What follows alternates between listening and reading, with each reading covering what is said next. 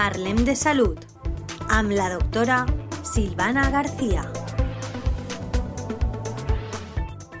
Buenas tardes oyentes de la Tegua Radio, otro jueves más juntos y hoy estaremos hablando de las infecciones estreptocócicas, el estreptococo invasivo del grupo A. ¿Y qué es este estreptococo? Bueno, los estreptococos del grupo A son bacterias que suelen estar presentes en la garganta y sobre la piel.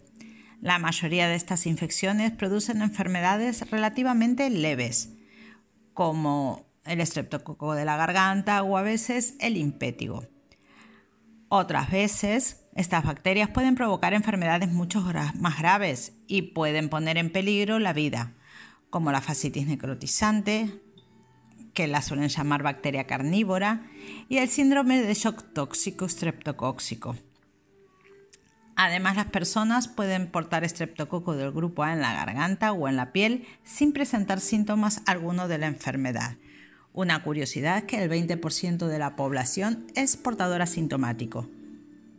¿Y cómo se contagian? Estas bacterias se contagian por contacto directo con secreción nasal o de la garganta de las personas infectadas con lesiones cutáneas infectadas, por ejemplo.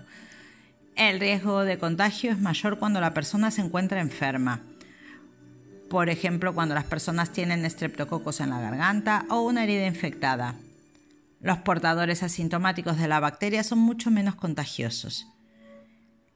¿Y cómo se hace el tratamiento? Con un antibiótico apropiado que elimina la posibilidad de contagio con la bacteria. Sin embargo, hay que realizar el tratamiento completo con antibióticos según lo que le paute su médico. Cuando el estreptococo hace una enfermedad invasiva, realiza una infección grave y a veces en ocasiones puede ser mortal. Las bacterias estas pueden invadir distintas partes del cuerpo como la sangre, los músculos y el tejido graso o los pulmones. Las dos formas más graves pero menos comunes de la enfermedad invasiva por este estreptococo son la fascitis necronizante, que es lo que comenté antes, y el síndrome de shock tóxico estreptocóxico. Generalmente un 20% de, de, los pacientes que sufren fascitis necrotizante y un 60% de los que padecen el síndrome de shock tóxico mueren. ¿Y por qué ocurre esta enfermedad invasiva? Las infecciones estreptocóxicas ocurren cuando, las invasivas, ¿no? Ocurren cuando la bacteria traspasa las defensas de la persona infectada. Puede ocurrir si la persona tiene llagas u otras heridas en la piel que le permitan a la bacteria introducirse en el tejido. Las condiciones de salud que disminuyen la inmunidad de una persona a la infección también hacen que aumente la probabilidad de que se produzca la enfermedad invasiva y además existen ciertas variedades de este grupo de estreptococos que pueden causar enfermedades más graves que las producidas por otras.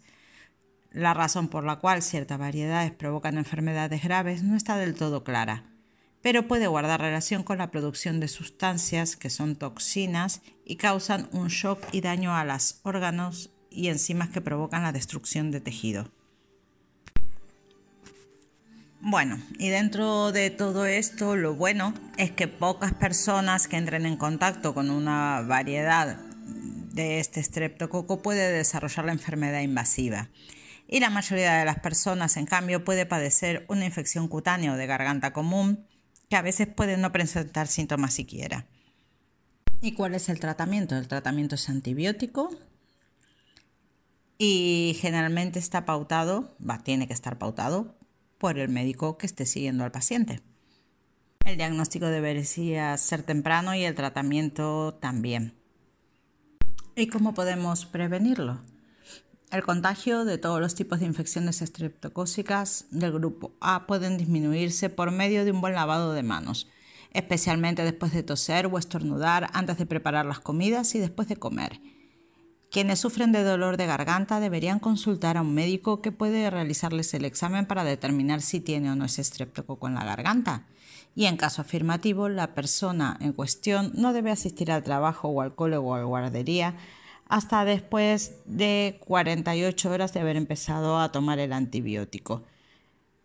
Todas las heridas deben mantenerse limpias y además es necesario vigilar las heridas para detectar posibles síntomas de infección. ¿Cuáles serían? Enrojecimiento de la piel, con aumento de la piel, hinchazón, ¿vale? Y dolor en lugar de la herida. Si estos síntomas se presentaran, hay que acudir rápido a su médico. También puede haber fiebre. ¿Y qué síntomas tenemos que tener en cuenta en la fascitis necrotizante o en el síndrome de shock tóxico estreptocócico? Los primeros síntomas y síntomas de la, de la fascitis necrotizante incluyen fiebre, dolor agudo e inflamación y enrojecimiento de la zona de la herida. Y los primeros síntomas del shock tóxico pueden incluir fiebre, mareo, confusión, hipotensión, sarpullido y dolor abdominal. Recordar también que este estreptococo es el que produce la escarlatina, que es una erupción papulosa generalmente en abdomen y laterales del tronco, que se pone rojiza la piel, pero desaparece a la presión. Nada, espero que les haya gustado. Gracias por estar y compartir. Hasta el próximo jueves. Los saluda Silvana. Parlem de salud. Am la doctora Silvana García.